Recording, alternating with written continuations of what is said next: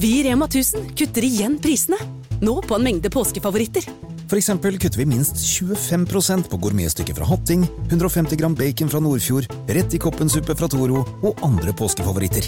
Alt dette og enda flere priskutt på minst 25 For det er sluttsummen på påskehandelen som teller. Og husk at vi fortsatt har fryst prisen på over 1000 varer.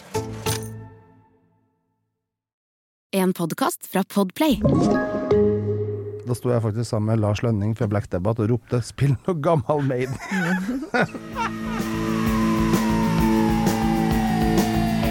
Så jeg liker sånn, jo når han kaster seg ut fra stupet litt mer ukalkulert, men, men bra. Ja, han er jo skummelt god vokalist, altså. Det er han jo.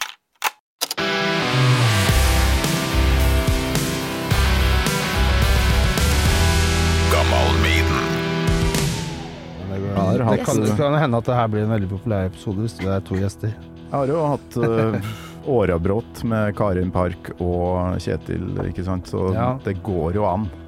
Men de er jo gift. Det er jo ikke dere to. Nei, nei. Vi tar gift, vi. Vi tar gift. Tar gift. 215 episoder, har du holdt på så lenge. Ja. Nei, 100 og, ja, 215 inkludert bonus, men uh, sånne gjester så er vi oppe i 180. Nettopp.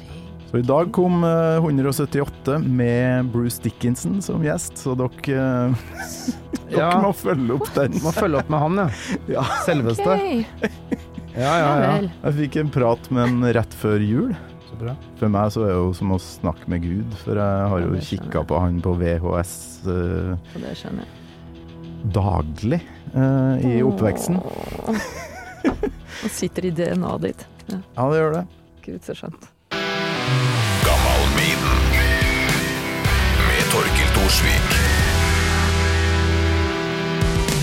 Anders Odden og Benedikte Adrian, hjertelig velkommen til Gammal Maiden.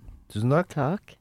Hvordan har dere det akkurat nå? Det er fast eh, første spørsmål. Veldig bra. Ja, jeg har det veldig bra. Mm. Ja. Nærmer seg Grand Prix, da, som er et helsikes eh, sirkus. Men det har du prøvd før, Benedikte? Det har jeg prøvd før, ja, men aldri med Anders Odden, og det utgir jo Det er jo hele forskjellen. Jeg liker å være i duo. Jeg var jo med Ingrid Bjørnov da vi sang eh, Lenge leve livet. Og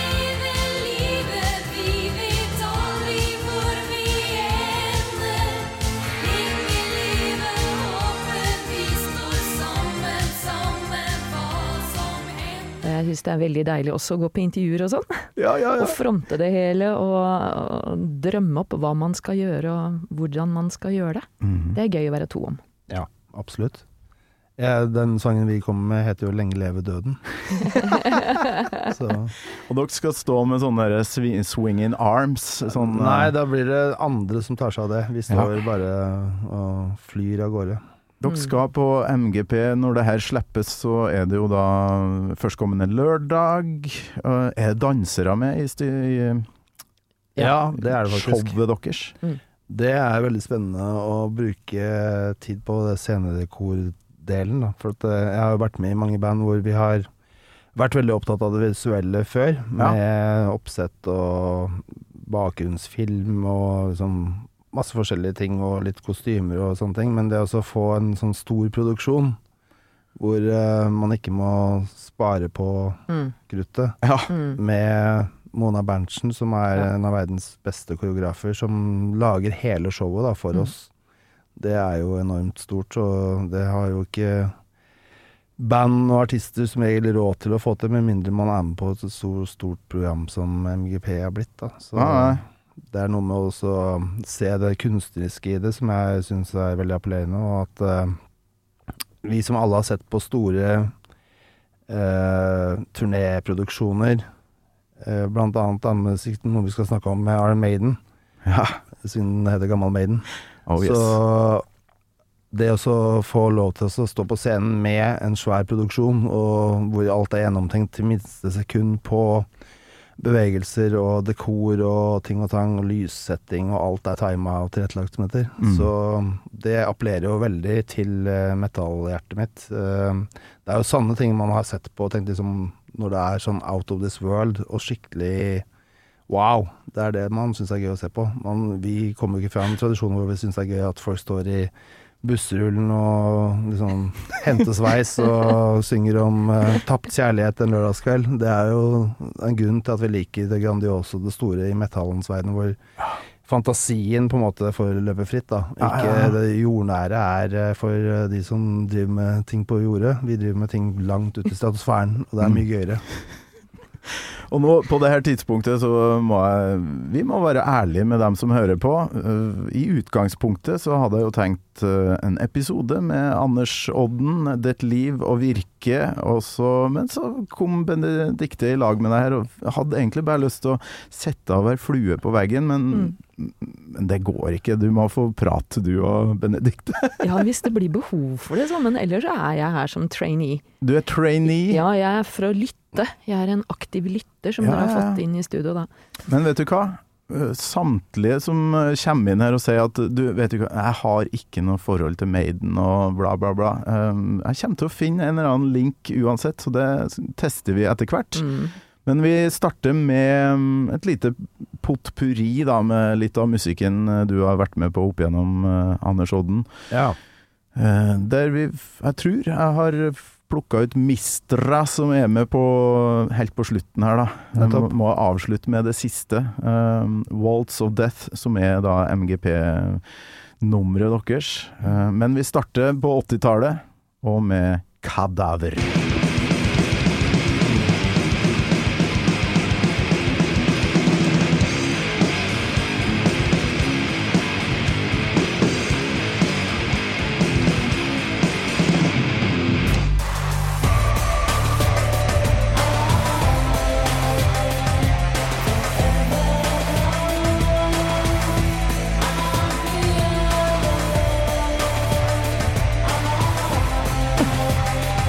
Bra.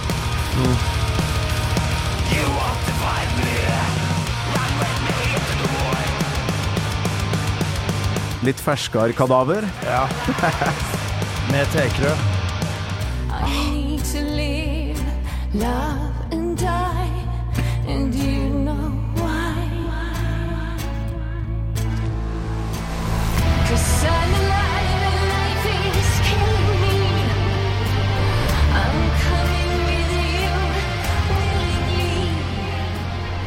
er så grandiost. Og den stemninga i eh, låta deres, det, ja, det tar meg jo inn i barndommen, metallverden, for der skal det være eh, Der er det mye stemning. Mm, det er riktig. Morsomt at du spilte den aller første sangen der òg, for den er eh, så kontrast lydbildemessig. da. Eh, Den er faktisk spilt inn i mono, til og med. Jeg er, Ja. så gammel at jeg spilte inn LP i mono. Men Anders, det låt veldig bra. Sånn som, ja, ja. sånn som Ja, Beatles gjorde det. Ja. Ja, ja, sånn som Beatles på fire spor og miksa i mono. Ja, men altså, dem som hører på må jo vite Jeg tenkte jo nå skal jeg faen meg få med hele karrieren til Anders Odner. Det er klin umulig. Du har, du har samarbeida og spilt med så jækla mange. Uh, Celtic Frost, Satyricon, uh, Mm. Ministry, har du ikke vært innom der òg? Ja, det var mest som gjest, og så har jeg vært i studio og gjort en låt med Al Jørgensen, ja. Ja. Det var faktisk dan- dattera mi som sang den sangen, som uh, han har vært med å produsere, av alle ting. Jøsses. Men uh, det er, man blir jo, skal jeg si eh, Når man blir eldre, så har man jo gjort mange ting hvis man har levd et liv som har vært uh, langt, da. Ja, men det, det første vi hørte på her, er vel regna som Norges første death metal-album. Ja, det er det, faktisk. Vi slo Dagtron med to måneder. Til dem store fortvilelse, og ikke minst hadde vi jo da mono og nekrosound mens de gikk til eh, Stockholm og fikk sånn eh, polert, polert sound. Det høres jo ikke veldig polert ut nå lenger, da. Sånn derre eh, stereo-greier. ja, stereogreier med sånn eh, Amundsen, altså. Ja, sånn virkelig sånn rivalisering tidlig der. Ah. Men det er bare hyggelig. Jeg så jo det at Gylve Fenris Nagel, som da er sjef i Dagtråden, han la nettopp ut den post-apocalyptic grinding-låta til Nye Kadaver på sin playliste, så han følger tydeligvis med, da. Mm. Han likte det første og det siste, så han er, har alltid rett.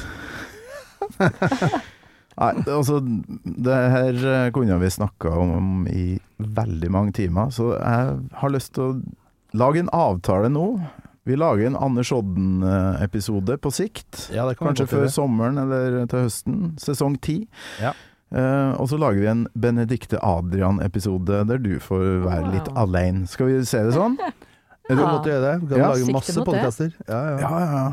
Og begynner, vi, men vi skal innom Maiden, så jeg har jo ett fast eh, spørsmål som må være med i hver episode. Begge to av dere skal få det, men jeg begynner med metallkongen her. Anders, eh, husker du første gangen du hørte Iron Maiden? Ja, det gjør jeg godt. Eh, Det var i Det Må ha vært i 84, da. Eh, Hvor de nærradioene i Oslo hadde veldig sterke sendere. Så selv om jeg bodde i Råde i Østfold, så fikk vi inn alle nærradioene fra Oslo. Mm. Og der var det tre heavy-programmer, tror jeg, hver uke. eh, På forskjellige kanaler, faktisk. Eh, Sånn sent på kvelden. For nærradioer var jo på en måte 80-tallets internett, eh, pleier jeg å si i en sånn foredrag jeg har. Men eh, det er jo sant, for at eh, fra 83, når nærradioene begynte, så kom det masse musikk som aldri hadde vært på radio i Norge før. Mm. På radio. Og disse heavy-programmene, blant annet så var det vel Frode Øyen som hadde et program. Og de gikk sent på natta, for at det var kommersielle radioer. De hadde da sendeflate hele døgnet hvis noen gadd å være i studio. Ja. Så det førte til at vi som bodde i nærheten, da, vi satt jo klokka tolv og satt på radioen og hørte på metal-show til to om natta. Okay. Eh, på, jeg lurer på om det var på mandag, onsdag, torsdag, et eller annet. Så liksom, når det begynte, så gikk jo Når man er tenåring og burde sove om natta, så gikk jo skolegangen litt sånn dårlig, da. Men uh, lærte mye mer om metal, da. Ja. Så det var jo viktigere for meg å lære om det enn kristendom og uh, geografi. Selv om jeg var veldig interessert i det òg. Ja, ja, ja. eller religion, da, som også ble blanda inn. Så Maiden kom jo da inn som en av de banda som man hørte på. Og den første plata jeg kjøpte med Maiden, det var da Power Slave. For det var den som var eh, nyheten da, husker jeg. Ja. Og det var vanskelig å få tak i eh, plater også, men Maiden var jo et av de som hadde De hadde vel alltid utgivelser på EMI, så de var vel tilgjengelig mer enn mange andre ting, da. I Mm. platebutikker også. Jeg er ikke helt sikker på om jeg kjøpte den i en platebutikk eller på svenska skivklubben, men uansett så fikk jeg tak i den skiva som første. Og da satt jeg og hørte veldig, veldig mye på den. Svenska skivklubben, Ja, ja. det var stort. Ja, det er mange gjester som har prata om. Frode Øyen, som du nevnte, her, Ja. han har vært gjest her. Eh, utrolig eh, kunnskapsrik kar, det òg. Svenska skivklubben hadde jo en sånn eh, postordrekatalog med eh, sånn vedlegg Jeg, jeg tror det var bakerste sida på OK Magasin. Ja. uh, svenske popblad. Der var det små bilder av coveret og navn på band og sånn. Og da kjøpte man jo plater med kun det for øye å finne det med kulest coverart. Det var liksom det man gikk etter, hvis man ikke hadde hørt om det. Man måtte ta en sjanse, da, for det kosta jo en del penger. Men eh, Og Iron da, Powerslave eh, har Ja. jo et cover som man eh, legger merke til, da. Ja, det kan man si. Jeg, jeg husker at den LP-en Da sjekka jeg det før jeg kom her, at den er jo faktisk 50 minutter lang, den LP-en. Som tror jeg var i lengste laget for en vinyl den gangen. Så jeg husker det var sånn eh, at de hadde pressa bokstavelig talt musikken inn i en LP, som gjorde at alle sangene begynte litt før sangen på Altså hvis man hørte på vinyl, da. Så var det akkurat som det begynte litt før hver. Det var liksom pussig sånn Hva er dette for noe? Jeg skjønte liksom ikke hvorfor det låt sånn. Man hadde jo ikke noen kunnskaper om det. Men yes. det er flere av de låtene som eh, gjorde veldig inntrykk på meg. Særlig den aller siste låta, da. Som eh, gjorde mest inntrykk, tror jeg faktisk. Den og Powerslave-låta. For der følte, jeg at uh, de drev med noe som var litt annerledes. Alle, si, alle andre rundt meg likte den Two Minutes to Midnight, som var hiten. Mm. Den syns jeg var aller dårligst. Ja. For det var kjedeligst. Det Jeg var syns helt òg sånn- den er dritkjedelig. Det, er, det er sånn ja, veldig kjedelig sånn standard refreng og rockegreier, mens de mest progressive låtene var det som var gøyest, pluss Aces High, da selvfølgelig, Ja. som uh, var veldig rask og intens. Men uh, Rhyme of the Ancient Mariner gjorde et større inntrykk. Når er det her eh, at du flekker på Maiden for første gang, sånn cirka? Som sagt, det må ha vært altså, Plata kom i 84, men det må ha vært i 85, da. Rett etter Ja. Så den Hvor, jeg har- hvor jeg har- bor du hen, da? Hmm? Hvor bor du hen på Da bor jeg i Råde i Østfold. Ah. Og jeg hadde noen andre venner på ungdomsskolen som Det må ha vært ungdomsskolen, jeg må tenke etter når Ja, det må ha vært ungdomsskolen, ja. Eh, noen som var sånn to år eldre, som Mm. hadde mer skiver. Så jeg bygde opp liksom en platesamling mens jeg satt også hos andre og hørte på ting. Man hadde jo liksom ikke råd til å kjøpe mer enn en LP i kvartalet, nesten. Man hadde jo ikke penger til det. Men Nei. noen andre hadde jo litt sånn enten sidejobb eller mer lommepenger eller et eller annet som gjorde at de hadde større samlinger, da. Men jeg husker den plata hørte vi mye på mens den var den nyeste. Mm. Så den som kom etterpå eh, Er det ikke Seven Sons uh, som kommer etterpå? Etter den? Jeg husker ikke. Nei, det er Summer in Summer in Time. Time er det som Ja. kommer etterpå. Ja, nettopp. Er det ikke det, Benedicte? Ja, det er så herlig.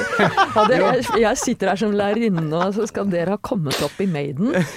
Skal vi se hvem han er. Han, han går videre, dobbelt. Anders, for Ja. at han hadde mer koll. Somewhere in Time, selvfølgelig. Mm. Da hadde vel jeg allerede begynt å høre såpass mye på enda hardere band at jeg valgte liksom Metallica og Slayer og Mm. den veien.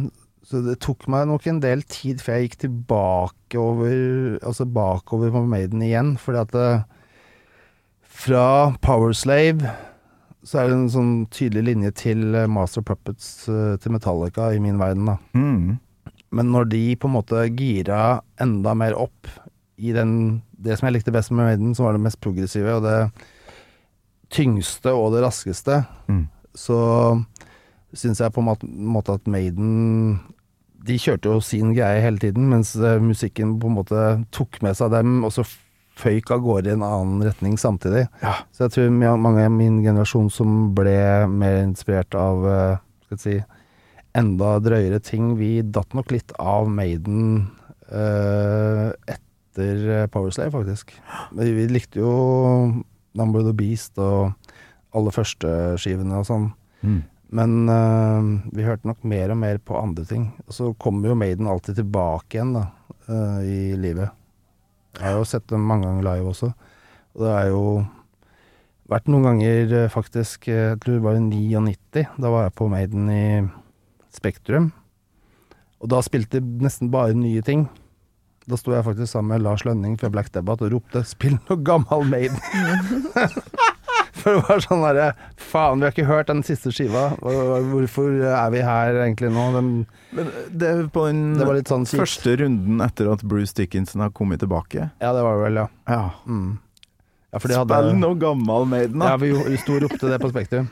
Jeg har hatt en sånn lignende i Spektrum også, med David Bowie. Oh, ja. For da var han også lei av seg selv og satt bare i en joggedress på en barkrakk og ville ikke spille Let's Dance eller noe. Ingen hits. Ingen! Okay, ikke noe Life fra on Mars, ikke. Hunky ikke Dory, noe. eller? Ingenting. Så Nei. bare nye ting, liksom? Ja, bare nye ting der, altså. Nei. Så det der, det er noe vi artister må lære av, ikke sant. Det er derfor det er fint for oss å starte et nytt band nå, da. For da har vi, det, nye, Ja. det, det, gamleste vi har, er jo helt nytt. Så vi får eh, det er, det er kanskje et clou, da, hvis man Ja. skal Uh, gjenoppdage musikken selv. Altså, man blir veldig, veldig opptatt av det man likte når man fant et band. Mm.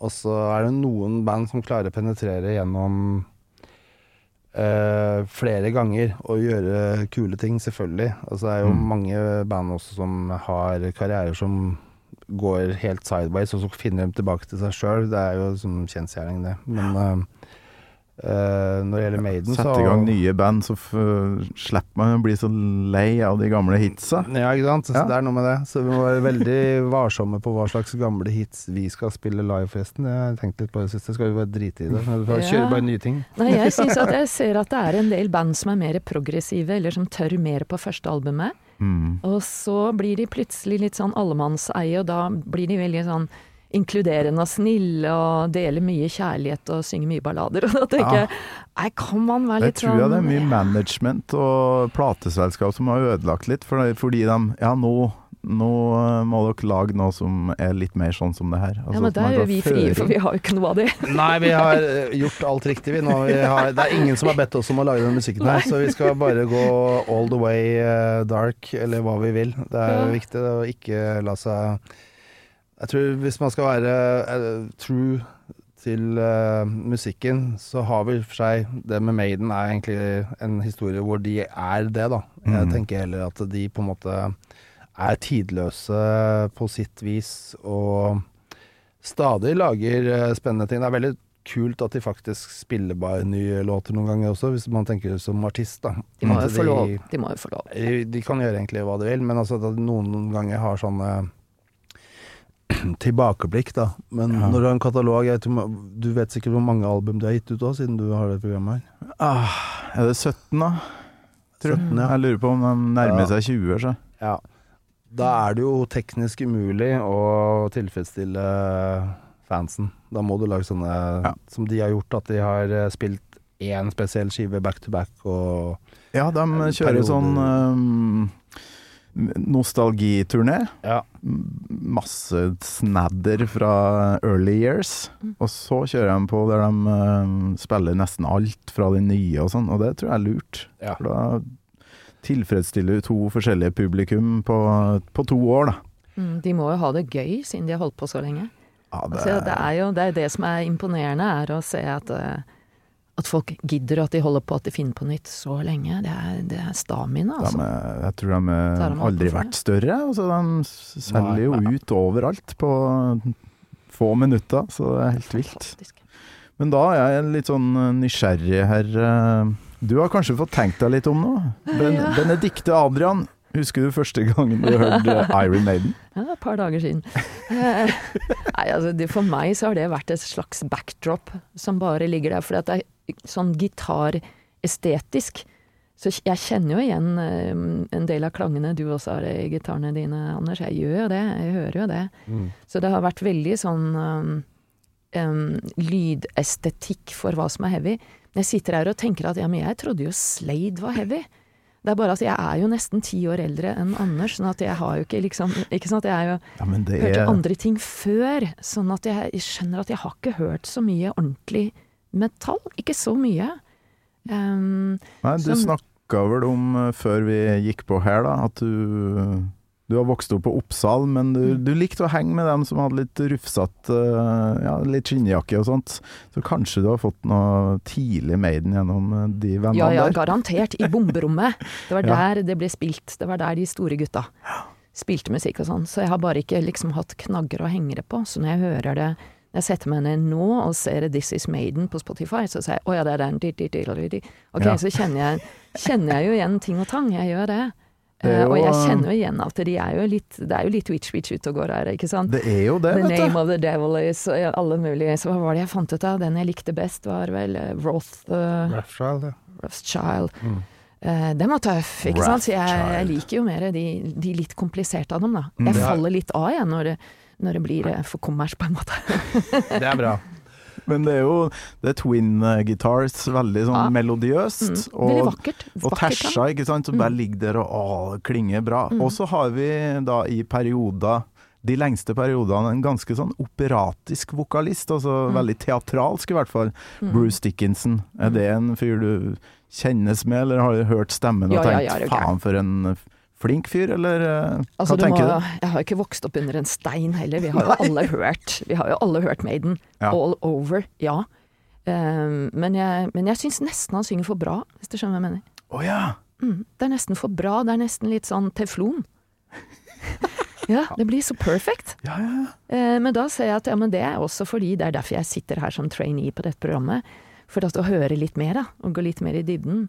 Ja, fordi det er klart at det er ting jeg ikke har hørt, når Anders sitter og sier at etter fem minutter i den låta, så forandrer den seg helt. Å ja, ok, da skulle jeg holdt ut fem minutter, da. Ikke sant? For det er jo noe med å virkelig sette seg ned og grave litt og høre, for at Maiden er mye. Det er det jeg prøver å ta et dypdykk, og så sa jeg jeg tror ikke jeg passer i dette programmet, for jeg har ikke oversikt over Maiden. Og som du sier, men det er det jo nesten ingen som har. Nei. For det er så mye. Men eh, det er jo virkelig en gitarestetikk og noe heavy og noen sånne greier som helt sikkert jeg også har fått inn i mitt DNA, altså. Fordi det har har ligget eh, der som det bestående på et eller annet vis, da. Du har mer til felles med en del black metal-folk enn du tror, for jeg har jo hatt eh, en, en del black metal-folk innom. Jørn Stubberud fra Mayhem og sånn, som takler ikke den derre altfor bra vokalen til, til Bruce Dickinson. Akkurat sånn som det. For da lytter jeg ikke mer. Nei. det er for bra. det- Hvis det er et eller annet som er litt rart, eller litt sånn, litt, at du, litt sånn at du lurer på hvordan skal dette gå, da blir jeg litt mer eh, fanget, da, faktisk. Hva syns du om vokalen eh, til Bruce? Jeg, jeg er også enig i det at det er litt for bra, faktisk. Jeg tenkte også på det. At det, det som Det er å banne i kjerka, dette Nei her. da, altså. det, det som er clouet, skjønner du, at de to første albumene har en vokalist som er, ikke er så bra. Og som jeg egentlig i ettertid syns kanskje er eh, enda bedre enn jeg burde gjort da. Altså, første albumet til Maiden har jo en låt som heter 'Phantom of the Opera' også. Ja, jeg så det. Og han som synger der, er ikke Bruce Dickinson. Mm. Det er en helt annen person, og han har uh, overhodet ikke hans uh, vokal uh, eh, prakt på den måten. Står helt stille i huet på meg. Bare, jeg vet jo veldig godt hva han heter. Paul. Paul Di Paul Paul Di- Diano. Diano. Ja. Paul Eh, har en helt sjukt bra stemme, syns jeg. Ja, han er mye mer Selv om rå. det, det er ikke Bruce, men Nei. det er mer punka kanskje. Og, Ja, han er mer punka. Han er vel kanskje mer eh, Ja, han er nok eh, Altså, han synger jo veldig, veldig bra, han også, må man Ja. jo si. Jeg tror ikke noen som er med i det bandet noensinne har vært dårlig, men uh, han har et helt annet uttrykk, da. Så han er mye råere. Og de to første Maiden-skivene, de ble jeg klar over mye senere. mm. Og da tenkte jeg som er det her som også er Maiden? For de har en del forskjellige ting, altså. Mm, jeg finner nok mer referanser hvis jeg setter meg ned og hører mer på kanskje særlig de to første platene, da. Ja, det tror jeg faktisk er mm, kanskje mer din greie, for at da Det er fra 1980 og 81, dette her.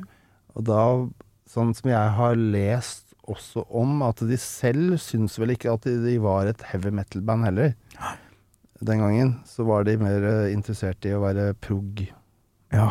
Ja, jeg Bam. likte også sånn Populace, Populvu, altså litt sånn Ja, ja. prog-greier. Og, og her er det også litt sånn pratesang som jeg har hørt på nå, Ja, ja, ja. Ikke sant? hvor det er litt sånn teatralsk på en måte som jeg også ja. Det er mye prog som er inspirasjon, og så tror jeg Steve Harris som er bassisten, bandleder, geni, ja, Låtskriver. låtskriver òg. Han vil jo helst ikke at eh, punk-begrepet skal nevnes, men det første albumet har jo fått litt sånn punk-aura på seg. Ja, jeg skjønner jo at han ikke tenker at det er det av det som var punk da, ble jo sett på som veldig sånn primitivt. Ja. Jeg tror at han er mer i slekt med sånn Jethro Tull og Ja. uh, type, den type engelskhet. Eh, og Zeppelin også. Altså den hvor de lager uh, uh britisk folkemusikk om til rock. Mm. Og det er det som er liksom grunnlaget for det jeg hører i det som jeg syns er best fra Maiden. da Ja. Hvor de er mest sånn keltisk uh, inspirert, og lager rett og slett sin egen folkemusikk. Ja. Og det er nok litt borte i en del av de tingene som er sånn hits som de har lagd, for der er det mye streitere og Mm. eh, nesten sånn ja, rock-pop-basert, vil jeg så kalle det. Altså når de har sånn versefeng, versefeng, bridge. På den måte som er veldig sånn tradisjonell. Mm. Mens eh, hvis du kan si sammenligning med f.eks. det vi lager nå, så lager vi også sånn vers, refreng, vers, refreng, bridge. Men det vi liker å gjøre, er egentlig sånn som jeg liker at Maiden gjør når de gjør det kuleste, at det er totale brudd, da. Mm. Så vers som er helt én verden, så går det over i en bridge som er en totalt ny verden, til refreng som er noe helt nytt. Mm. Og så bryter du det helt ned igjen. Og det er de der eh, passasjene hvor Maiden også lager mer rom, da. Og ikke er bare sånn wall of sound, men ta, helt, ta ting helt ned, og så eksploderer igjen. Den dynamikken der, eh, som også kommer fra proggen, vil jeg si, da. Mm. Som uh, kan kjenne mer igjen i, og som uh, også er en del av den musikken vi to lager, da. Jeg tror at uh, det som er med musikk som skal være Altså det som engasjerer mest musikalsk eh, for eh, min del, er når eh, du har kontraster i musikken. Mm. Hvis du bare setter på en knapp og alt er på ti hele veien, så mister du på en måte dynamikken og følelsen av at det bygger seg opp og ned. Mm. og det er den store kontrasten i å bygge ting opp og ned som er eh, den store appellen til god musikk, da, tenker jeg. Ah. Hvor du må faktisk eh, lytte og tenker at jøss, hvorfor eh, dette, hva skjer nå? Altså, passer dette så- Altså du blir sånn dratt av gårde i en uh, sånn virvelvind av forskjellige feelinger, da. Oi, oi, oi. Nå, nå snakker vi. Nå snakker vi Ja, deilig er nerding. Og Ja, jeg ja. har egentlig Applaus. tenkt at du og Ingrid Bjørnov Benedikte Mm. og må ha toucha innom noe progrock opp igjennom, for nå har jeg hørt Mm. jækla mye på Witch Witch. En Mm. periode vi hadde i bakgrunnen når vi spilte eh, rollespill og sånn, Dungeons and Dragons, så hørte vi på Witch Witch på repeat.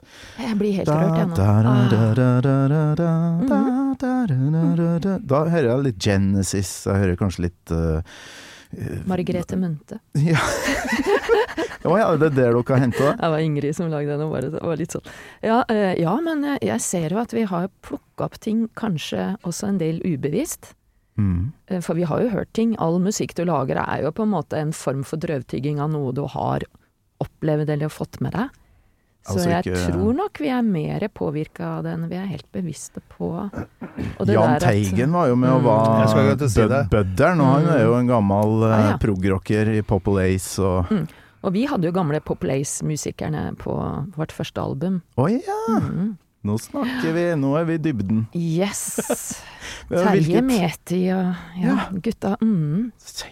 Mm, Og da- Uten vokalist. Ja, for vi ble bare Vi ble gjort oppmerksom da Ole Sørli, som var vår manager, og det var plateselskapet vårt og sånn, de lot oss høre på, på Place. Og, og vi var jo i en sånn forvirring 15 år gamle da at vi trodde at norsk musikk ikke var kul. ikke sant? Litt sånn som det blir når du blir litt Ja, nå er jeg stor når jeg har vokst fra norsk musikk, liksom. Og så, så, så fikk vi høre Curly Sounds. Eh, noe sånt som er et ja, Mm. veldig bra album. Veldig bra. Og så satt vi der i baksetet på den der breie, svære ja, Vi satt vel aldri i forsetet på den der breie, langsleden av en amerikaner som Ole Sørli kjørte oss rundt i. Og så fikk vi vite at dette er norsk, og vi bare what, dette er det tøffeste vi har hørt. Ja, de musikerne skal vi ha med i studio på deres første album. Nei, dæven. dø av lykke. Og Når- det når var det? bra. Det var 1980 vi ga ut første albumet, så vi gikk i studio 79. Etter skoletid gikk vi med ransler i studio et års tid. Med den gjengen, ja. Så det var sånn at uh, Popul Ace, Popul Vuh eh, Det var helt vidunderlig, og det er også den måten å snu litt rytme på, og sånn som vi også gjorde når Anders sa til meg Du vet det riffet jeg har sendt deg nå, det er i sju åttendedel? Ja, det vet jeg. Ja, det, det er ikke for mye. Nei, kjør på! Gi meg mer, gi meg mer! Er Mer sju åttendedeler, mer akkorder, kom an, kom an. For at jeg blir så excited, jeg blir så glad når det skjer noe i musikk som ikke du visste kom fra første strofe, liksom. Og tenk om det her eh, skal komme seg videre til internasjonal Eurovision-finale, da. Med Ja, det, jeg vet ikke om jeg tør å tenke så langt, altså. Det var sånn, vi må jo komme til Trondheim først, og så får vi se det, er til den norske finalen. Ja, For det er i hvert fall veldig gøy å gjøre vår greie. Det Det er er jo en black metal-stemning der, selv om man hører det er ikke blast beats og full on black metal, men det er noe beslekta. Mm. Og du kjører jo sminken din, du Anders, og du har litt eh, i Mm. øyekroken her, eller hva heter det? Ytterste enden av øyet? Det er Jeg har noen Swarovski-krystaller som er limt rundt øynene mine, seks stykker på hvert øye, og Oi, noe såpass, svarte ja. greier. Ja, for hun, eh, hun som gjør sminken, hun er jo kjempe, hun kjempegod. Mm. Så hun sa du kan ta litt du òg. Men jeg, for meg har det også vært en reise at jeg vil ikke miste meg selv, jeg vil ikke prøve å bli noe annet enn jeg er. Men jeg er veldig åpen for nye impulser, sånn som jeg var da jeg var 15-16-17. Mm. Føler at jeg er der igjen. Men det er litt viktig også at uh, gitarene til Anders møter noe. Noe. Ikke bare ren fansing. Ja. Men, eh, men jeg har jo tross alt et musikalsk ståsted, jeg også. Og det er det jeg føler at i black metal så føler jeg at, det- at det er ok. Mm. Det er helt ålreit. Jeg kan komme som den jeg er. Jeg må ikke bli noe annet. Eh, Men det å være veldig åpen for sjangerblanding, det var ikke jeg så klar over at det ligger litt i metallmiljøet òg, det. At eh, nei, det, Oh, yes. det, det er helt fint, det. Kom an. Så jeg tenkte litt eh, Du hadde jo rock versus opera. Jeg tenkte det Mm. vi gjør er mer sånn uh, witch witch uh, eh, versus black metal. Ja. det som overrasket meg mest, er hvordan vi går inn i fremtiden. Ja, ja. Fordi at, for jeg trodde jo at, at disse gutta vi har med Adair Daufenbach som er vår produsent og lyd, lyd wizard. mm. Helt fantastisk. Eh, og jeg tenkte at nei, her blir det ikke noen sånne fine ABBA-synthesizer og sånn. Men det blei det. Det er bare at det varer i tre sekunder, og så høres det ut som noen bremser opp veldig hardt på en svær bil, og så er vi et annet sted. Så det er bare at tempoet er så mye høyere på dette. Det er mye mer nervøst, fremtidaktig følelse av ja, Eller nåtid, da. At det, ting tar ikke så lang tid lenger. Låter tar ikke så lang tid. Vi er ikke så lenge i det samme musikalske landskapet. Det er, det er veldig omskiftelig, det er, det er veldig levende. Og, og da er de gutta dere har imponert meg hvor, i hvilken grad dere har lyst til å gå inn i fremtiden og inn i det uvisse, og ikke bare holde på Nei, nei, dette er black metal, og sånn skal det være, liksom. Å stå på sin tue og forsvare det. Nei, overhodet ikke. Nei, men der har jeg en liten tilståelse å komme med. For at jeg har alltid endt opp med å lage veldig korte låter, stort sett i min tid som låtskriver, da. Mm. Eh, du husker vi slet med å lage låtene lange nok når vi skulle gjøre det første albumet. Så hadde vi liksom Med Kadaver. Ja, uh, vi bare lagde låter som vi syntes var kule, og mye av det som var veldig inspirasjon akkurat da, var jo Eller noe av det var sånn som Napalm Death, Mm. som hadde liksom låter på et halvt minutt og sånne ting. Så ekstreme ble ikke vi, da, men vi ble sånn Jøss, er det mulig å liksom komprimere så mye kule riff inn i én låt, og så bare borte er den? Mhm.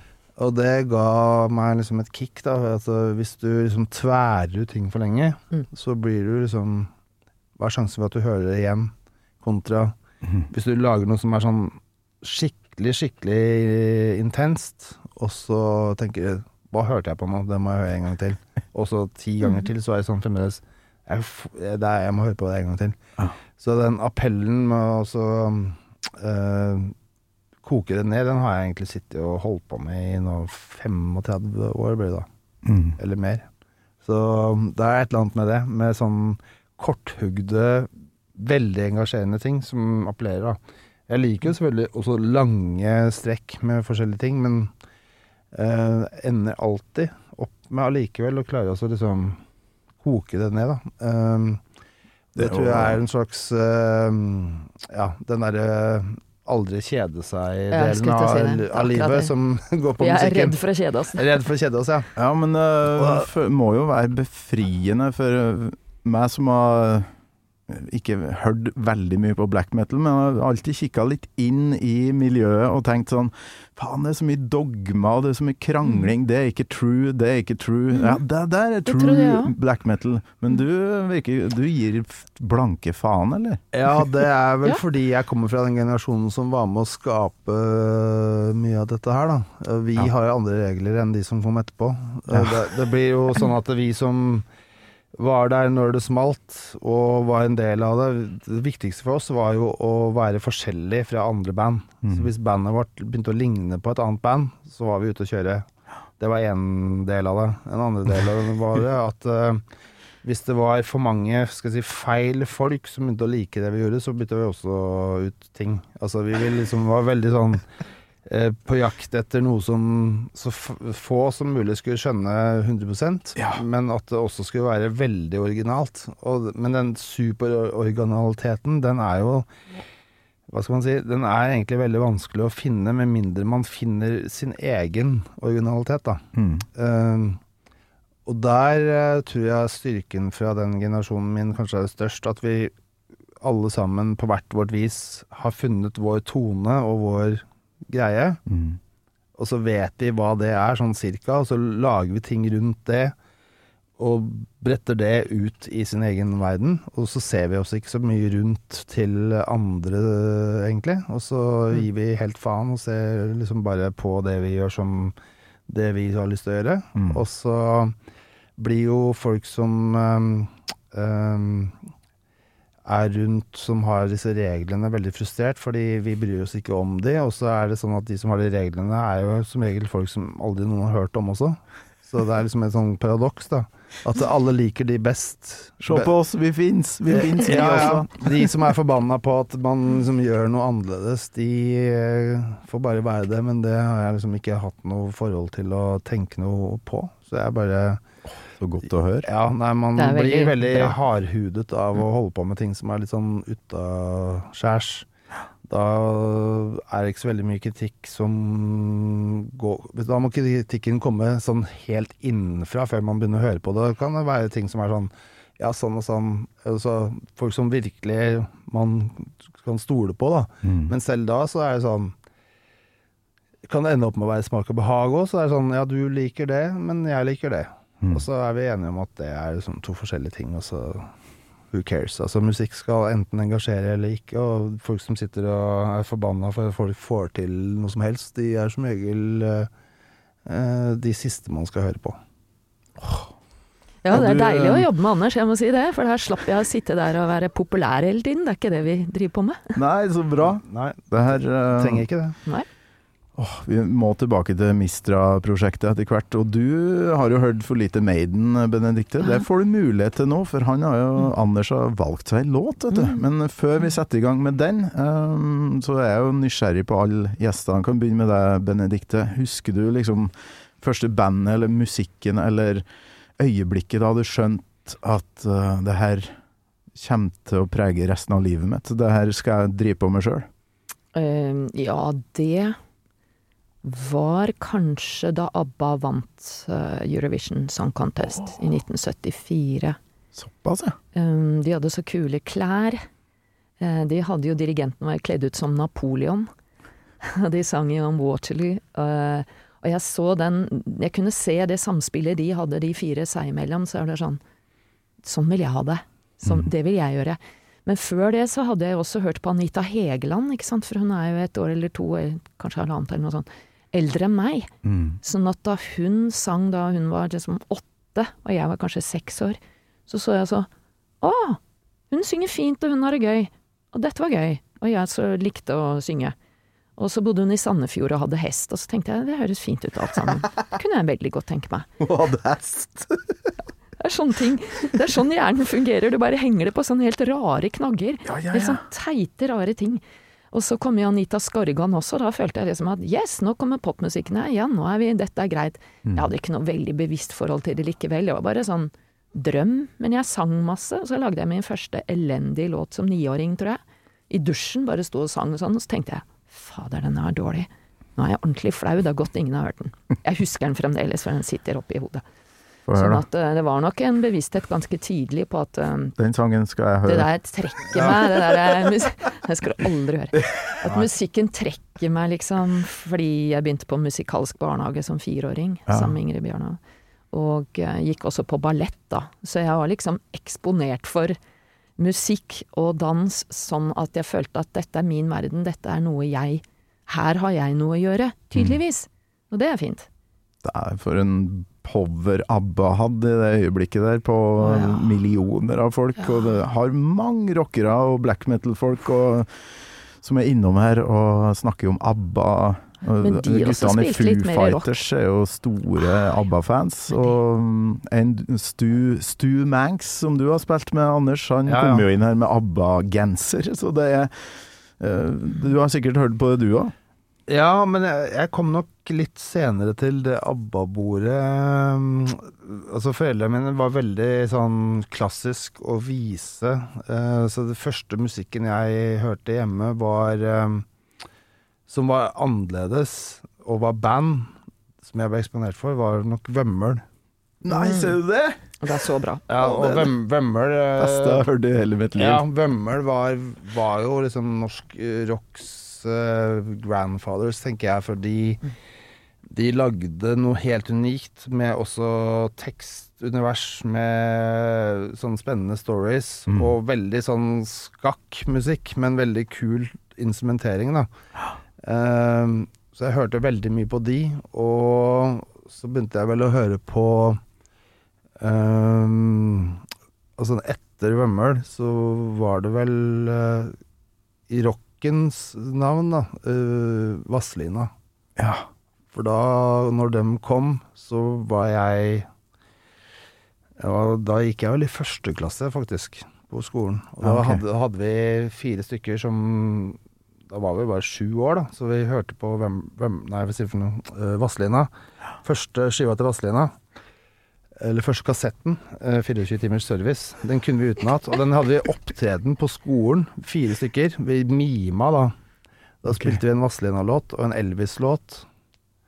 Og Little Richard, tror jeg. Uh, Trudy Frudy.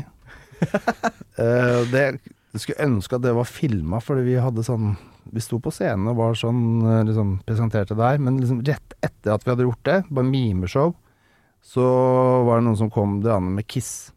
Mm. Og det var søskenbarnet mitt, husker jeg. Det var også 1980, da når du holdt på med Dolly. Mm. Da husker jeg at jeg ble så sykt stor Kiss-fan, sånn umiddelbart. Så det var liksom Vazelina og, og Kiss samtidig. Uh, men Kiss var jo da sånn revelation, for de hadde jo De hadde vært verdens uh, første sånn med barne, barnepromotion. Altså de hadde jo de Kiss-kortene i stjernepose, godteriposen til kidsa Mm. på 70, slutt, slutten av 70, begynnelsen av 80-tallet. Mm. Og vi ble jo helt sånn satt ut av dette her teatralske konseptet deres. Og så satt jeg da og så hørte på det, så bilder, men så så man jo aldri hvordan det var på Altså, man hadde jo ikke Kiss på TV. Nei. Så når Kiss, apropos Maiden, skulle spille i Norge for første gang, så fikk jeg ikke lov å dra. Det skulle jeg jo Jeg kunne jo vært på den konserten hvis faren min hadde tenkt at jeg, burde dratt på den sammen med søskenbarnet mitt. Da hadde jeg faktisk sett Maiden i 1980 også, som support for Kiss, da. Men det var min store sorg at jeg ikke fikk lov til å se Kiss. Jeg var skikkelig Jeg visste jo ikke at Maiden skulle være support heller, forresten. Men, Nei, det, men var det var litt som De var førsteskiva, men Ja. uh, da ble det liksom For å bøte på dette her, tror jeg, så dro vi og så Vazelina live, da. Etterpå. For da spilte de liksom på Eidsvoll dagen Jeg bodde på Eidsvoll da jeg var i den alderen der. Og da så jeg Vazelina på den første turneen de hadde med han uh, Viggo Sandvik som vokalist. Han hadde tatt, tok over uh, på album nummer to. Mm. Og det var vel Blålysskiva som kom ut da, så det spilte på noe som heter Eidsvolldagene. Da var det jo Da var de over natta dritstore, så de var jo, det var mange tusen folk på konserten. Fan, og i ettertid så har jeg spurt Jeg sa faktisk det til Eldar Vågan en gang, at det første bandet jeg så live, var dem på den konserten. Og han huska den veldig godt sjøl, Oh, ja. for det er ikke så langt fra der de kommer fra. Eh, Eidsvoll ligger jo ikke så langt fra Toten. Mm. Og det var vel en av de konsertene hvor de merka at det tok helt da At det var kanskje sånn, jeg vet ikke om det var 5000-6000 eller mer folk, da. ja okay. Og de sto og spilte på en sånn liten scene på en lastebil. Og det var liksom sånn folkehav, og alle kunne sangene. Så han huska det godt, at de liksom gikk fra å spille Ja, det gikk vel fra å spille på en klubb til eh, skal jeg si Norsk Arena, da, Mm. 1980. Mm. Så å si over natta. Så det gjorde veldig inntrykk. Flate, digg og høre det her eh, fra begge to. Anita Hegeland, Vømmøl, Vasslina Vazelina. Sjøl så var det inni en sekk med Knutsen og Ludvigsen som var liksom den første wow!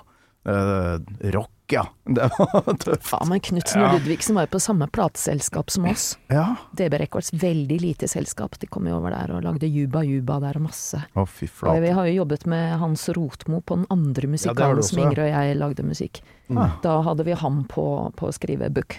Mm. Fyren var jo totalt rabiat gal fyr. Helt fantastisk. Ja, ja. Hva han skrev og hva han fant på, hva vi måtte stryke av sånne eh, ja, massevoldtekt av Henriette den og greier. Han, var helt Han er fantastisk kunstner. Ja, ja, ja. Stor kunstner.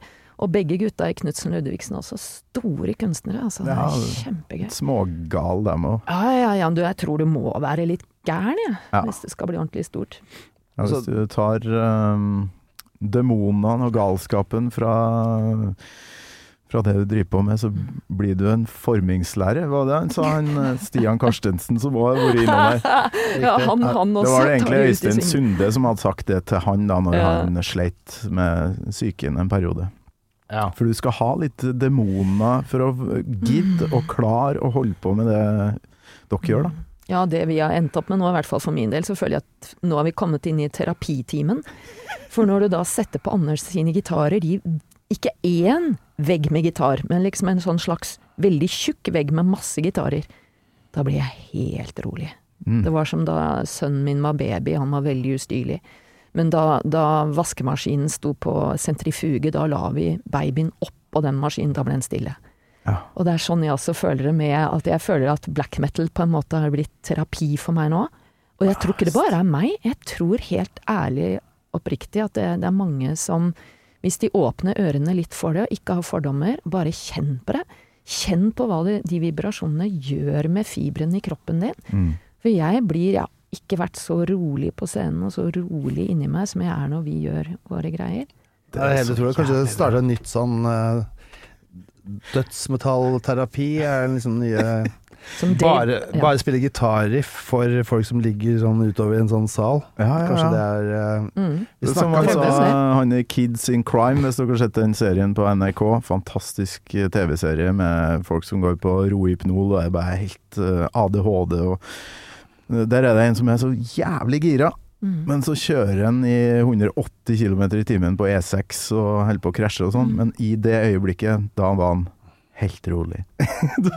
så hvis du tar en en person med litt eh, demons og, og diagnoser og sånt, Mhm. og setter den i ja, Gir noe black metal Mhm. eller noe ordentlig, noe ekstremt. Da, det er da man eh, tydeligvis roer nervene, og det Ja. har jo du opplevd nå, Ja. tydeligvis. Jeg kjenner det.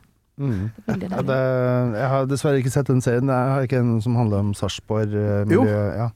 Jeg, jeg, ja, jeg tror faktisk jeg er med på noen låter som er med på den serien. Som, Ikke eh? Det er noen som er, men jeg har ikke fått sett den. Men uh, Sje- Sjekk den ut, altså. Det, Ja, absolutt. Men det er jo Altså, i musikerverden som på en måte vi Altså det miljøet vi kan se er, utgjør de musikerne som vi kjenner i Norge. Det er på en måte et lite og et stort miljø samtidig, men så kjenner man igjen typene, da. Altså de menneskene som er mest engasjert i musikken, de, de bruker noe terapeutisk for seg sjøl. Vi må jo innrømme det. At det er jo sikkert øh, Vi er jo sikkert øh, ødelagt på et eller annet vis, så vi må liksom drive med dette her, da. mm. Eh, men jo eldre jeg blir, jo mer jeg tenkte sånn der, Er det ikke mye kulere å ha gjort det enn å liksom bare sitte og så prøvde å si, såkalt streite opp livet sitt? Eh, så mange har sånn eh, perioder hvor de skal liksom bli A4, da. Mm. Hvis du ikke er A4, så klarer du ikke å fake det så lenge. Du blir rett og slett bare lei av det, og så, fin, fi, altså finner du det liksom Ja, du blir rett og slett syk. Mm.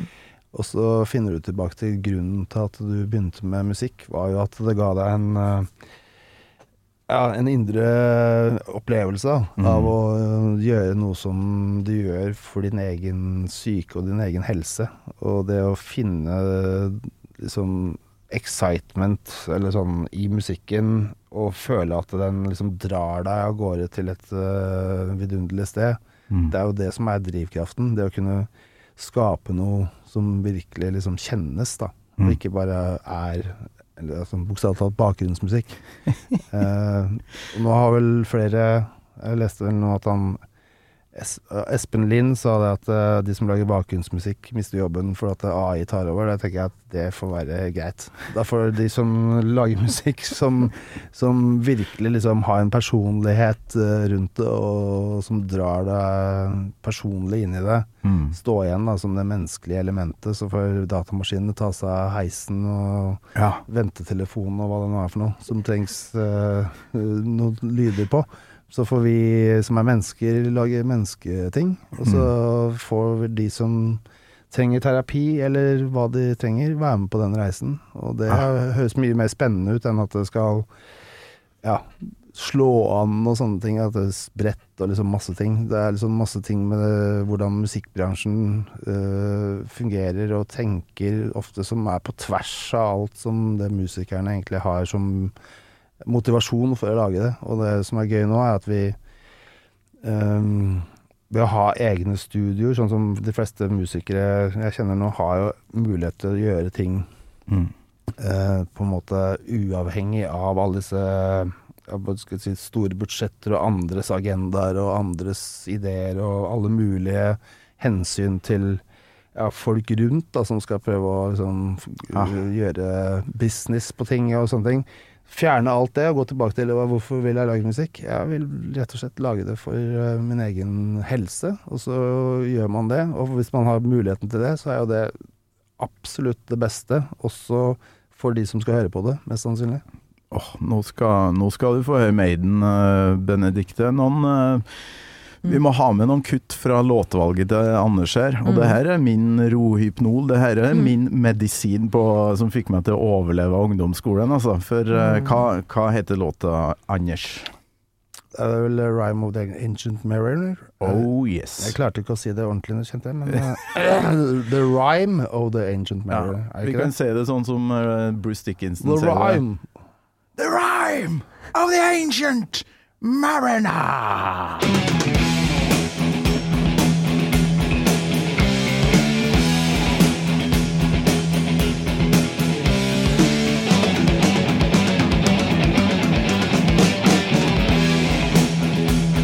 Ikke sant? Hva syns du? Ja, men det er jo deilig akkurat der hvor de lander rett det, der. Ja. At de, biten ligger rett foran. Og jeg har, eh, som dere ser, ståpels. Ja, så bra. Mm. Hver gang jeg hører For det her eh, er min favoritt-Maiden-låt, eh, Anders. Det er Du, jeg kaller deg Anders plutselig. An Anders eh, Trønder her nå. Ja, ja, tr- trønder.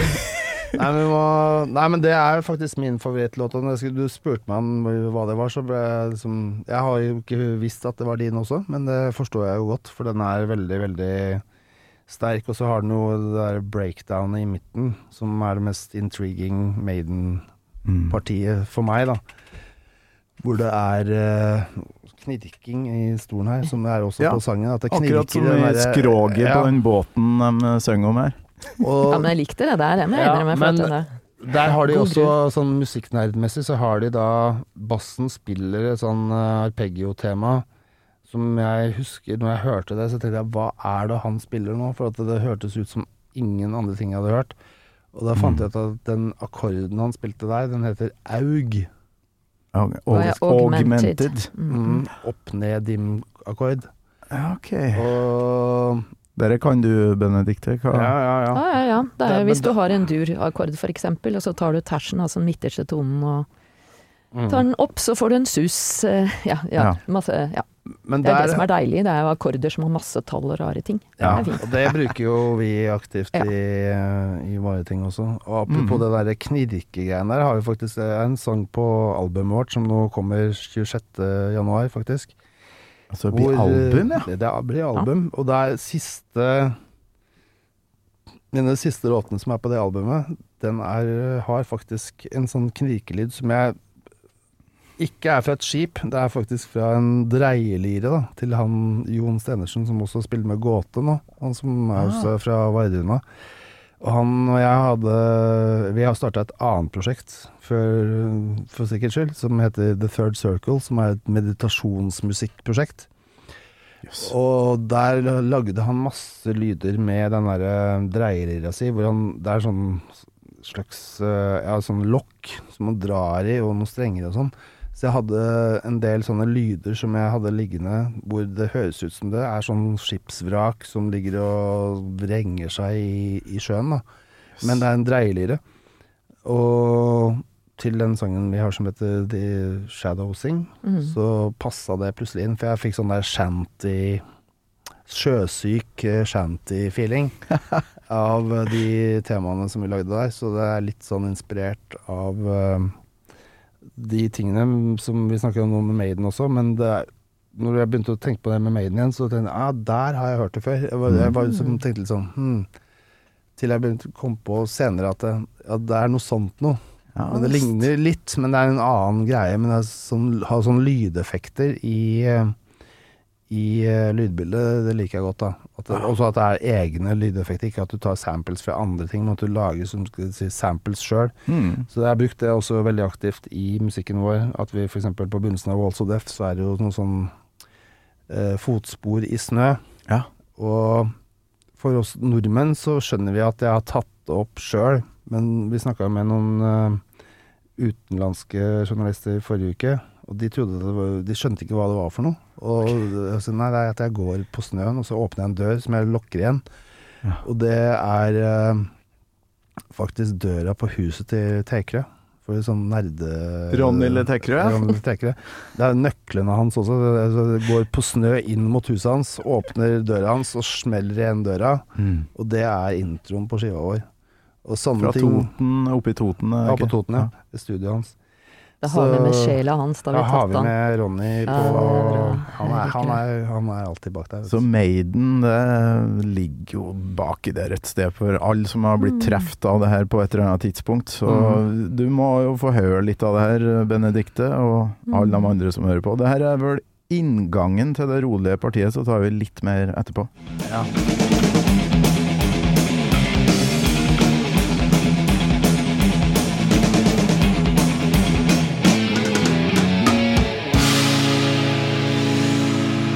Veldig kul akkord, da. Ja. Mm. Nå kommer det Aug-tema.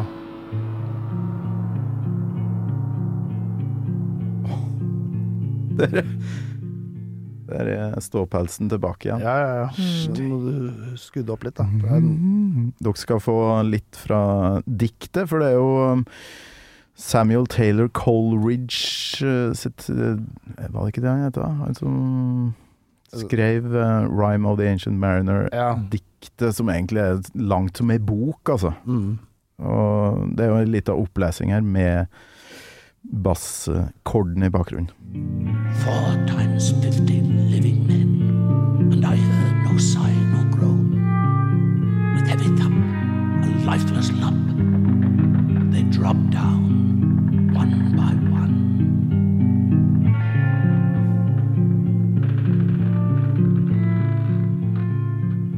Der. Ja, det er nydelig. Vet du hva jeg innser nå? At jeg trodde jeg visste hva Iron Maiden var, men jeg har nok hørt mest av det som liksom har vært kommersen. Mm. Det som er pusha mest, det som er spilt mest. Run to Men det the er ikke hills. det jeg liker best. Jeg jeg liker jeg sånn som dette. Jo mer prog, jo skeivere rytmen er, del, det, mm, og så snur Mm. den. Ja! Ja, da blir jeg våken.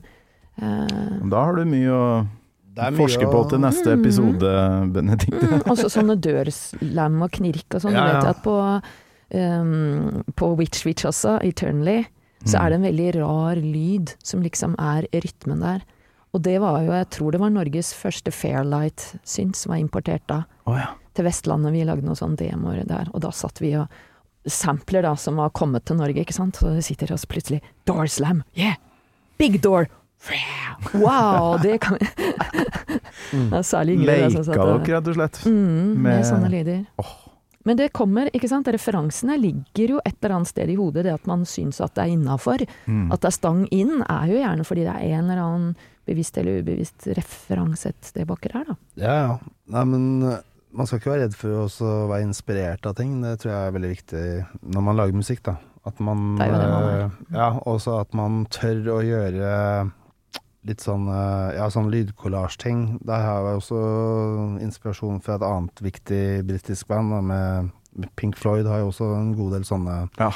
Jeg tror de la ganske godt grunnlag for mye av det vi hører på andre ting også, når det Mm. gjelder mm. Og jeg hørte Sånn mye på det, ja. lydeffekter og Unnskyld. Bruke um, andre elementer enn bare bandets uh, gitar, bass, trommer, keyboard. De hadde liksom Ja, de der klokkene de har, for for Mm. Det kakafoniske og det Peng, pengene på mannen Ja, ja. og Ja. Alle de tinga der. The Wall-filmen øh, Ja. Jeg det er tror vi en- drømmer om å lage filmmusikk, alle sammen. Jeg tror det er det vi som er litt sånn grandiose ideer, eller sånn. Det er Men det vi ser for oss filmmusikk filmer. for oss sjøl. Altså, Jeg har filmene mine oppe i hodet, men det er Ja, ja, ja. ingen andre som ser dem.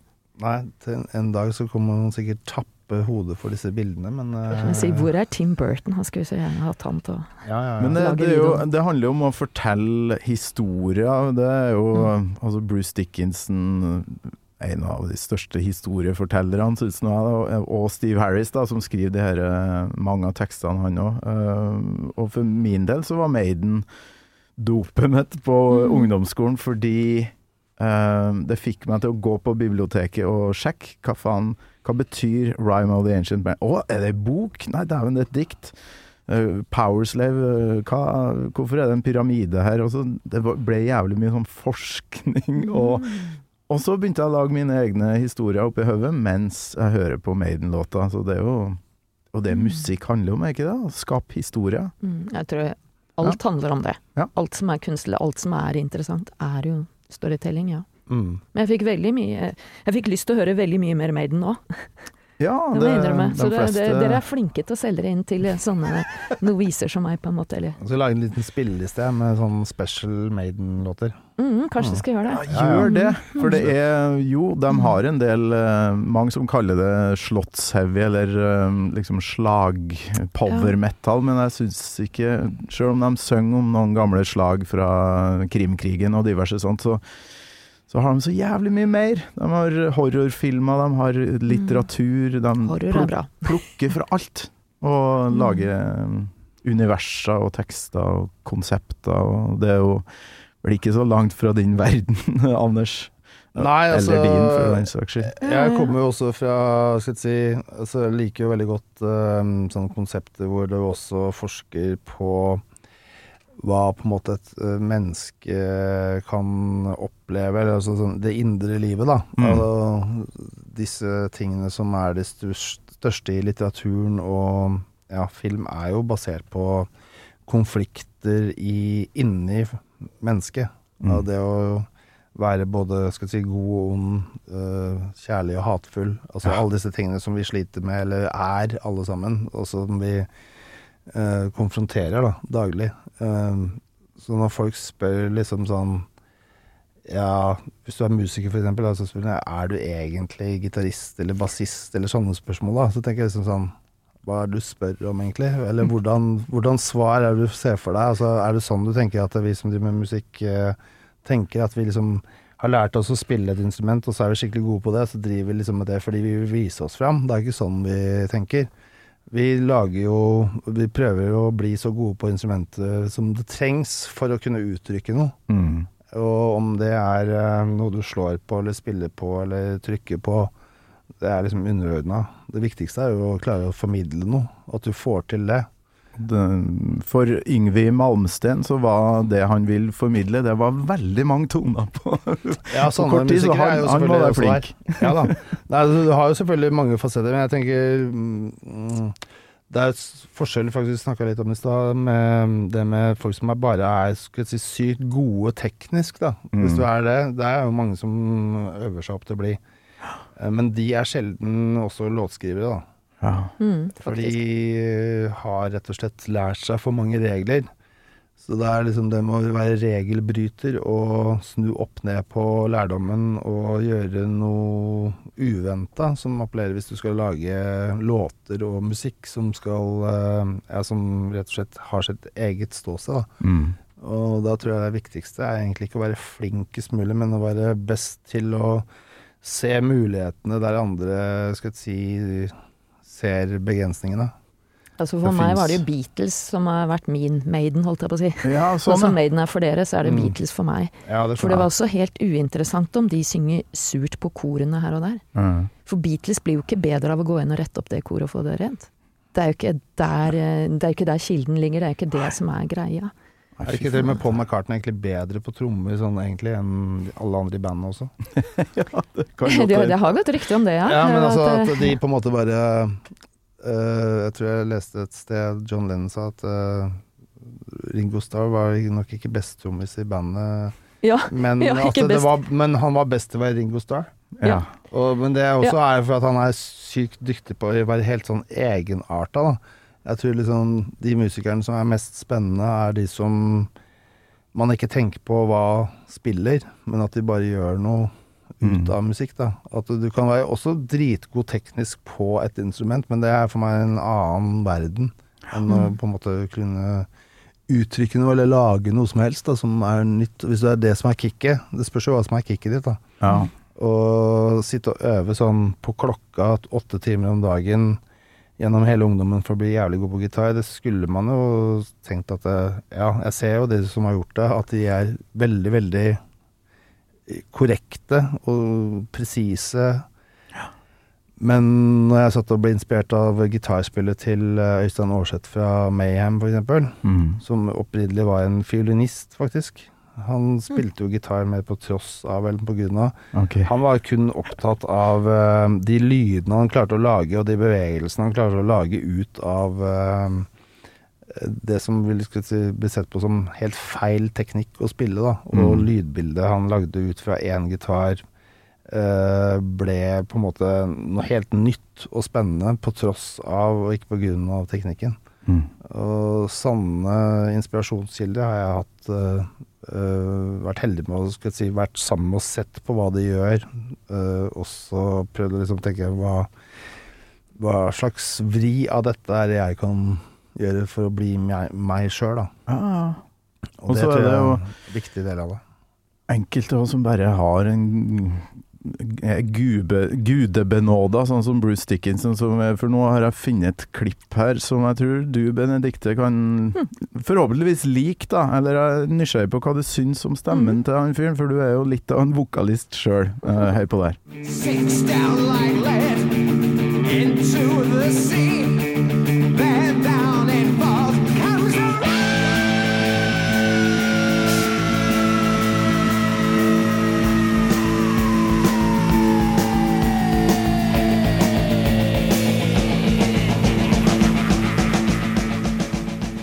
Det bygges, ja, det bygges, bygg, bygg, bygg. Ja, Kan ikke spille hele her, men um, her går den jo helt i taket.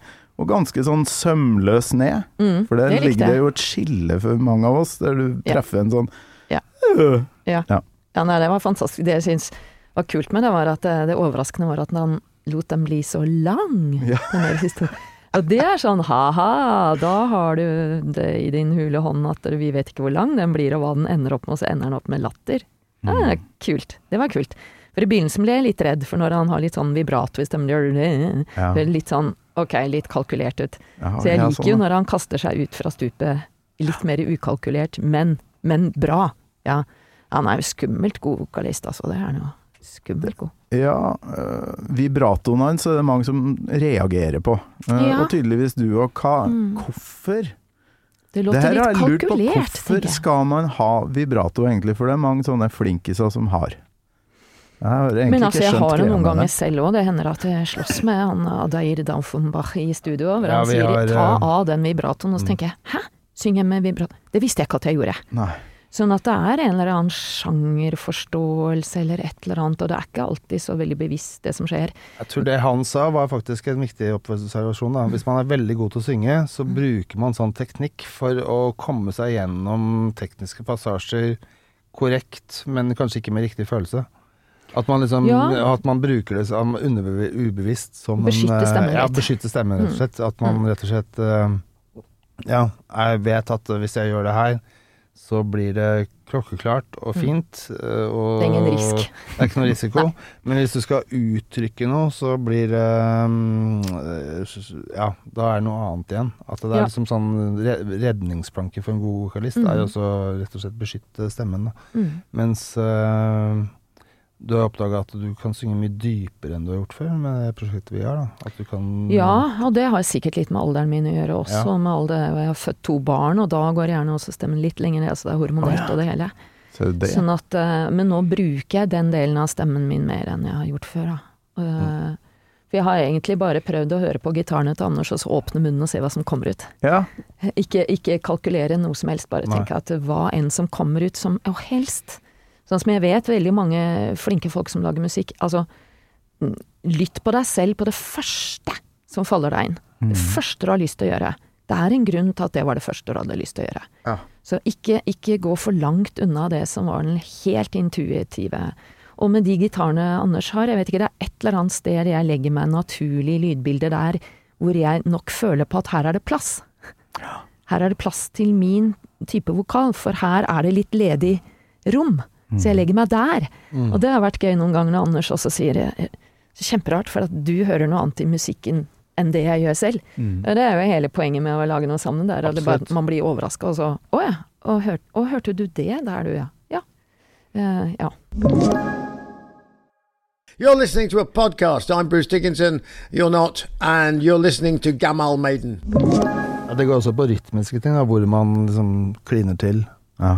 Og det er veldig individuelt. Det er veldig spennende hva Det har også vært spennende her, for at uh, hvis man har riff som Man tenker jo ofte at det her ville være passende med sånn og sånn vokal. Men hvis man har en helt annen tilnærming, sånn som du har, så blir det jo helt annerledes. Og det er veldig inspirerende, for da kan man liksom bygge ut noe nytt derfra. Man finner liksom et nytt ståsted, da. Og det syns jeg er veldig gøy å kunne rett og slett eh, oppleve som eh, når vi lager noe. For at hvis, hvis man er et sånn definert sånn rockband eller metalband, så er det ofte at uh, vokalisten tenker at uh, her forventes det sikkert at jeg gjør dette. Ikke sant? Hvis det, altså det blir sånn safe uh, Her kan jeg gjøre min greie, liksom. Men hvis man, som du sier, Benedicte, bare åpne munnen og se hva som passer, altså hva som faller deg inn, så blir det noe helt uh, nytt og spennende. Det gjør jo også at eh, det, det er ofte at man tenker sånn, hvor mange ideer kan man egentlig ha, men det som er spennende med det prosjektet her for meg, er at det virker som det er helt sånn bunnløst idé. Altså det er liksom Ja, fordi vi kommer fra forskjellige Ja, ja, det er bare sånn der jeg kan gi deg hva som helst, så blir det noe helt nytt hver gang. Det er kjempegøy, da. For at hvis man sitter, som sagt, i et et band som har gitt ut seks-sju plater, da, og så har man liksom en stil og sånn, så skal man lage noe nytt, så blir det ofte at man liksom Det blir jo liksom aldri så spennende som i starten. Men hvis man har en helt sånn fri tilnærming, så kan man på en måte oppdage ja, at man kan også resirkulere liksom ideer som man har hatt en eller annen gang, i en ny form, Mm. eller noe helt nytt, eller whatever. Ja. Og så blir det egentlig Ja, vi kan lage sikkert en plate Hvis jeg hadde sett på studio nå en måned, så hadde vi lagd en plate til eller to. Altså, det Ja, er gjort. kjempelett, og det er veldig gøy når det er kjempelett, men også kjempeexciting samtidig. At det Mm. føles bare som et sånn totalt overskuddsprosjekt. Ah, Det er det deiligste med det, syns jeg. da. Men da tenker jeg også på en parallell til Maiden. Altså det er vel egentlig to stykker som er hoved... ja, nå vil jeg påstå Eller kanskje tre. De har en eh, låtskriver-gitarist òg, som er veldig flink. Så det Ja, for jeg også lurer på prosessen deres. For det som Ja. er gøy i vår prosess, er at Anders har kommet ganske langt med gitarene før jeg hører det. mm. Uh, og da prøver jeg, når jeg lager melodi og tekst, så prøver jeg å ha Huske at man har to ører og én munn. Altså lytte mer enn jeg uttrykker meg. Så prøver jeg å finne bare essensen i hva jeg føler at denne låta handler om, og så bare uttrykke egentlig minst mulig innenfor det. Mm. Men det er veldig annerledes i en prosess hvor man ofte har litt sånn akademisk tilnærming. At man lager en melodi, Mm. og så lager man en tekst. Og så går man og finner arrangementet. Og det er veldig annerledes enn å bare Vi har en følelse, vi har en feeling, vi har en stemning.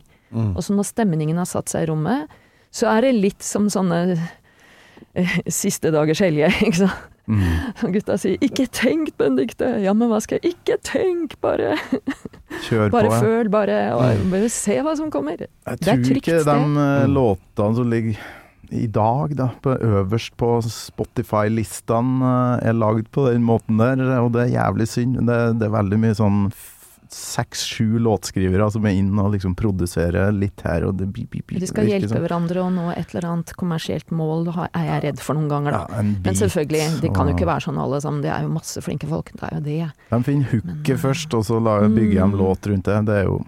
Ja, det er Nei, vi ikke- finner det er stemningen ikke det dere holder på med. Nei, det er nok ikke det. Uh, men det går jo igjen på hva slags kick man har på Ja. å lage ting. Da. Jeg tror det er veldig forskjellig for forskjellige folk. Noen liker jo, har jeg oppdaga, å lage sånne Eller å tenke at de lager ting som er skal jeg si, sånn stadiovennlig, eller en eller sånn Ja, idé, da. Men det tror jeg er en helt feil eh, Det er i hvert fall feil for meg. Jeg tenker sånn Uansett hva slags musikk jeg liker best, så liker jeg best å høre på den aleine, Mm. nesten. Det er liksom den Ja, er- én-til-én-følelsen. Enig. Der, der er jeg altså. og så um, Hvis du skal appellere skikkelig til meg, så må du treffe meg og bare meg. Mm. Det må, jeg tenker ikke bli revet med av noen andres uh, kick. Jeg må ha mitt eget kick. Ja, det er jeg helt enig. Så Mm. hvis jeg, selv når jeg står på en konsert med noe som er sånn for meg, står jeg der helt alene og hører på det. At det er 10 000 mennesker her, det er helt likegyldig, hvis du skjønner. Mm. Det er mitt kick som er mitt kick. Så det Jeg pleier å å stå alene. Som, Ja, men jeg pleier å si til folk sånn nei, Hvis du liksom tenker sånn Hvis du er sånne band eller artister sånn sånn eh, Ja, det kom bare 30 stykker på konserten, men de så ut som det hadde det skikkelig kult. Så tenker jeg ja, det skal du ikke kimse av, for at eh, er, da er det nok sånn at de 30 har følt at dette er skikkelig kult for dem. Mm. Det er noen ganger jeg har vært på konsert hvor det er, ikke er så mye folk, men det er bare et band som klarer å levere noe som, er, som treffer, da. Så bare tenkte jeg sånn eh, Du tenker jo sånn Det er jo litt synd at det ikke er flere, men samtidig så jeg gir helt faen. Altså, jeg syns det er dritkult, så lenge det er kult for meg. Eh, men det er liksom Det blir sånn Det er sånn sekundærtanke at det, Mm. så rart at det ikke er flere som er, har hatt tid til å komme hit i dag, men for meg så er det helt suverent. Altså, ikke sant? Så det er den der følelsen du klarer å gi til den ene lytteren Mm. gang på gang, som er uh, kicket. Og hvis du da lager uh, musikk som ender opp med å bli skal jeg si mange, mange, mange, mange folk som liker det, Mm. så er det fremdeles sikkert for alle de, sånn som jeg sier, at hovedsakelig så liker du det fordi du likte det sjøl, alene, eller kanskje med én venn, men ikke noen flere enn det. Mm. Jeg husker når vi satt og hørte på musikk på 80-tallet, så var vi to eller toppen tre sammen som hørte på ting. Med en gang det ble flere som begynte å snakke sammen, og sånn, så var det sånn Nei, nei, nei, det her gidder jeg ikke. Liksom. Hvis jeg skal høre på noe, så må jeg være alene, eller med en til som er like engasjert på sitt vis. Mm. Eller så blir det liksom fest, og da er ikke musikken i fokus. Da er det liksom ikke sant? En en eller annen sånn At noen sånn «Jeg 'Skal ha noe mer å drikke?' Sånn Ja, men nå hører vi på den sangen. ja. Altså, den greia der. Så, ikke kom og forstyrr eh, opplevelsen av eh, ikke sant? Så jo flere folk det var, jo mindre viktig er jo musikken. Det er jo sånn det er. Hvis, Mm. ikke sant? Ting blir fort bakgrunnsmusikk, da. Ja. Og jeg har vært på sånne fester hvor folk sånn ja, 'Kan ikke spille en ny låt her?' Sånn, Nei, jeg tror ikke det er noe vits i å gjøre det her, altså, for jeg Nei. gidder ikke å også. Altså, jeg, hvis jeg kan godt gjøre det for deg, men altså, jeg vet at det er ti andre her sitter og prater sammen, så hva er poenget? Så, Ja. Da tenker folk sånn Ja, du vil ikke spille den for at du vil ikke liksom At uh, Det er veldig kleint å si sånn til alle Hold helt kjeft, hør på den sangen. Ja, ja, ja. Det, det skal man jo ja. Hør hva- Hør hva jeg har laga! Ja, ikke sant. Det er jo den te- teiteste. Men uh, allikevel så er det sånn den følelsen av å være alene og ha kicket sjøl som er utgangspunktet. Og Mm. det tror jeg alltid har følt, og tenkt, og alltid forundra meg over folk som liksom er Hører på musikk fordi alle andre gjør det, type ting. Da kan, de ikke, da kan det jo ikke være sånn at de føler noe for det. Da må de ha en annen tilnærming til musikk. Da. Det får de gjerne ha, men det er ikke sånn jeg hører på musikk. For en eh, Ja, nå må vi nærme oss eh, landingsstripe her, for eh, jeg har sending om tolv minutter, og dere Oi. hadde noen planer etter hvert, dere òg. Ja, ja. Men vi har jo flere episoder vi skal lage, så vi får spare litt. Eh, bruker å avslutte med slutten på låta som ble valgt, så her er slutten på fantastiske Rhyme of the Ancient Marina.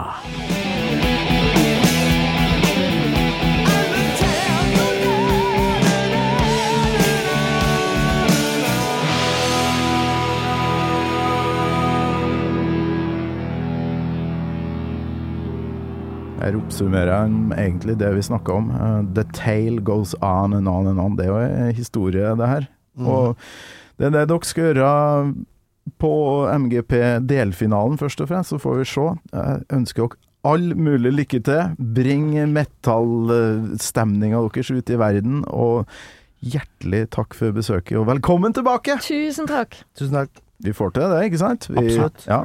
Episode to eh, kommer eh, om litt, da. Gammal Maiden med Torkel Thorsvik. En podkast fra Radio Rock. Nydelig. Ei time og 25 minutter. Wow! Det føltes ikke så lenge. Og så tok vi den videre og videre og videre. Ja, det- Hvor forsvinner Maiden? Bak et eller annet sted var en Maiden.